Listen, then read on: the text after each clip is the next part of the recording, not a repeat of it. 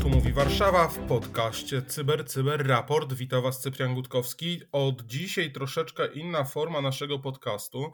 Będziemy nagrywać je pojedynczo, także jedna osoba przygotowała dla Was komplet informacji. Chciał, nie chciał, padło na mnie. Jest mi bardzo miło, że możecie mnie posłuchać, że mogę Wam przekazać najciekawsze informacje, które przekażę z świata. Z tej strony Cyprian Gutkowski i zapraszam Was na podcast. A w dzisiejszym 189 odcinku Cyber Cyber Raport dowiemy się o szpitalach we Francji, które padły ofiarą ataku, na temat udaremnienia cyberataków na, na usługi publiczne, o których donosi Iran.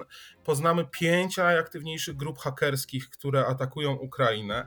Dowiemy się o atakach na T-Mobile poprzez hakerów z grupy Lapsus. Technologia pomaga Ukraińcom, ogólnie pomaga wojsku, jak sztuczna inteligencja przekazuje kluczowe informacje. I wreszcie jeszcze informacja o kilku wyciekach, oczywiście, które podają anonimowi z różnego rodzaju rosyjskich instytucji. Zaczynamy 189 odcinek podcastu Cyber Cyber Raport. Pierwsza informacja, o której Wam mówiłem, jest informacja dotycząca szpitali, grupy szpitali tak naprawdę we Francji. Jest to może nie jakaś olbrzymia grupa, ale 9 szpitali we Francji, w której jest zatrudnionych 6 tysięcy pracowników, mają około 3400 łóżek dla pacjentów. No i poinformowano, że musiał zostać odłączony cały wewnętrzny i zewnętrzny ruch internetowy po odkryciu, że doszło do cyberataku, który spowodował kradzież poufnych danych administracyjnych, jak również danych osobowych pacjentów.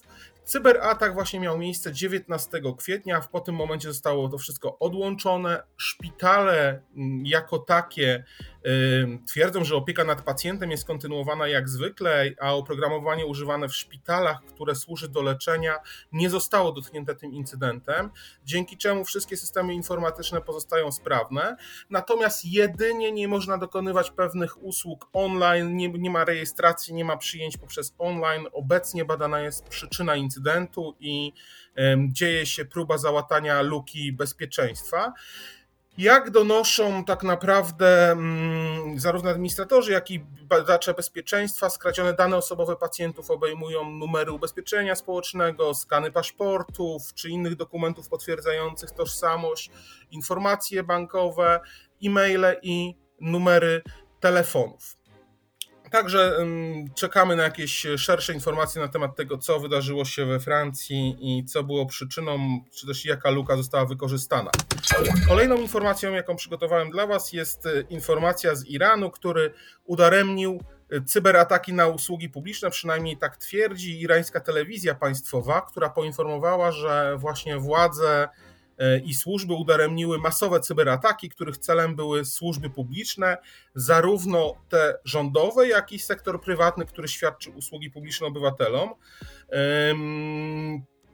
Iran udaremnił takie ataki na ponad 100 agencji sektora publicznego, tak właśnie stwierdziła telewizja. Nie przedstawiło, nie przedstawiła ani nie wymieniła konkretnych przykładów tych agencji czy organizacji z usług sektora publicznego, ani tych prywatnych, ale stwierdziły, że ogólnie działo się to w ostatnich dniach. Możemy się też dowiedzieć, że pamiętajmy o tym, że w Iranie też w październiku doszło do ataków na na przykład na system dystrybucji paliwa. Sparaliżowane zostały stacje benzynowe w całym kraju. Doprowadziło to do długich kolejek i problemów, a w lipcu no, był cyberatak na irański system kolejowy, który również spowodował chaos i opóźnienie pociągów. Iran twierdzi, że ataki te pochodziły, wykorzystywane były protokoły internetowe z Holandii, Wielkiej Brytanii, Stanów Zjednoczonych, to stamtąd serwery, stamtąd miały być przeprowadzane ataki na infrastrukturę Iranu. Trochę dla mnie to dziwne, no ale takie informacje podaje irańska telewizja. Natomiast kolejną informacją jest wymienienie przez ukraiński CERT pięciu najaktywniejszych grup atakujących Ukrainę. Ogólnie 802 cyberataki. To tyle wrogich działań odnotował ukraiński CERT od stycznia bieżącego roku. Za działaniami wymierzonymi tak naprawdę w ukraińską infrastrukturę stoją przede wszystkim rosyjscy i białoruscy hakerzy. E, zespół reagowania na incydenty komputerowe CERT UA w pierwszym kwartale bieżącego roku właśnie odnotował te 802 ataki, podczas kiedy rok wcześniej w tym samym okresie było ich 362, więc ponad 100% wzrost.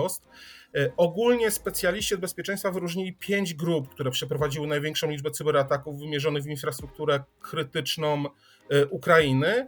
E, I na liście tej znajdują się takie grupy jak UAC 0041, zwany też jako agent Tesla, Xloader, są to rosyjscy aktywiści. UAC 0056, czyli to jest Pandora, Remote Utilities, Greenplant, E, Grabsteel to są rosyjscy aktywiści i cyberszpiedzy. Mm, oprócz tego podmiot APT UAC 0051 lub też UNC 1151 Advanced Person Treat e, są to powiązane ze służbami specjalnymi Białorusi, który stoi za kampanią Ghostwritera, to o czym też informowaliśmy przez cały czas. Między innymi od nich pochodzi ta afera mailowa w Polsce oraz APT 28 Fancy Bear powiązana z rosyjskim wywiadem wojskowym GRU. No i tutaj ukraińscy eksperci zwracają przede wszystkim uwagę na to, że najbardziej aktywne są te grupy związane z aktywistami. Um, Ukraińcy w swoich domysłach sugerują, że bardzo dużo tym aktywistom pomagają właśnie wywiady wojskowe czy innego rodzaju służby, które wspierają ich informacjami, dzięki czemu mogą oni prowadzić różnego rodzaju ataki na infrastrukturę ukraińską, czyli takie wsparcie rządowe dla aktywistów, żeby nie było jasne tylko, że wyłącznie to jest aktor państwowy, tylko też e, taki właśnie aktywistyczny atak. Następna informacja którą udało mi się e, przygotować, wydaje mi się, że może Was zaciekawić, jest informacja o tym, że hakerzy Lapsus atakują T-Mobile. Spokojnie, to nie T-Mobile w naszym kraju, ale ogólnie T-Mobile e, i rzeczywiście grupa potwierdziła, że przestępcy z grupy Lapsus uzyskali dostęp do systemu wewnętrznego kilka tygodni temu, no ale cóż to tak naprawdę za system? E, gigant telekomunikacyjny, którym jest T-Mobile, odniósł się tak naprawdę do raportu dziennikarza Briana Kerbsa, który uzyskał dostęp do wewnętrznych czatów prywatnego kanału Telegram członków grupy Lapsus. Na Telegramie ujawniono, że cyberprzestępcy pobrali około 30 tysięcy repozytoriów kodu źródłowego należącego do T-Mobile. Sama firma poinformowała, że zmitygowała to naruszenie, zamknęła dostęp hakerów do swojej sieci, likwidując możliwości logowania się poprzez uzyskane przez przestępców kredensiale, te dane uwierzytelniające. E, które użyto tak naprawdę do naruszenia. Mm, sam Lapsus jest to grupa przestępcza, która zyskała sławę, gdy przeprowadziła atak ransomware na brazylijskie Ministerstwo Zdrowia w lutym 2021 roku.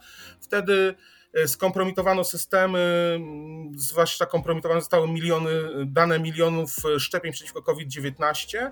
E, niedawno, bo w marcu londyńska policja aresztowała 7 osób podejrzanych o powiązania właśnie z tą grupą Lapsus. Mm, są to dość młodzi ludzie, tam wiek przekraczał od 15 do 21 lat tych zatrzymanych. Korzystając z danych, które udało się zdobyć w T-Mobile, y, członkowie Laxus mogli uzyskać dostęp do wewnętrznych narzędzi firmy, takich jak Atlas. Jest to narzędzie, które służy do zarządzania kontami klientów.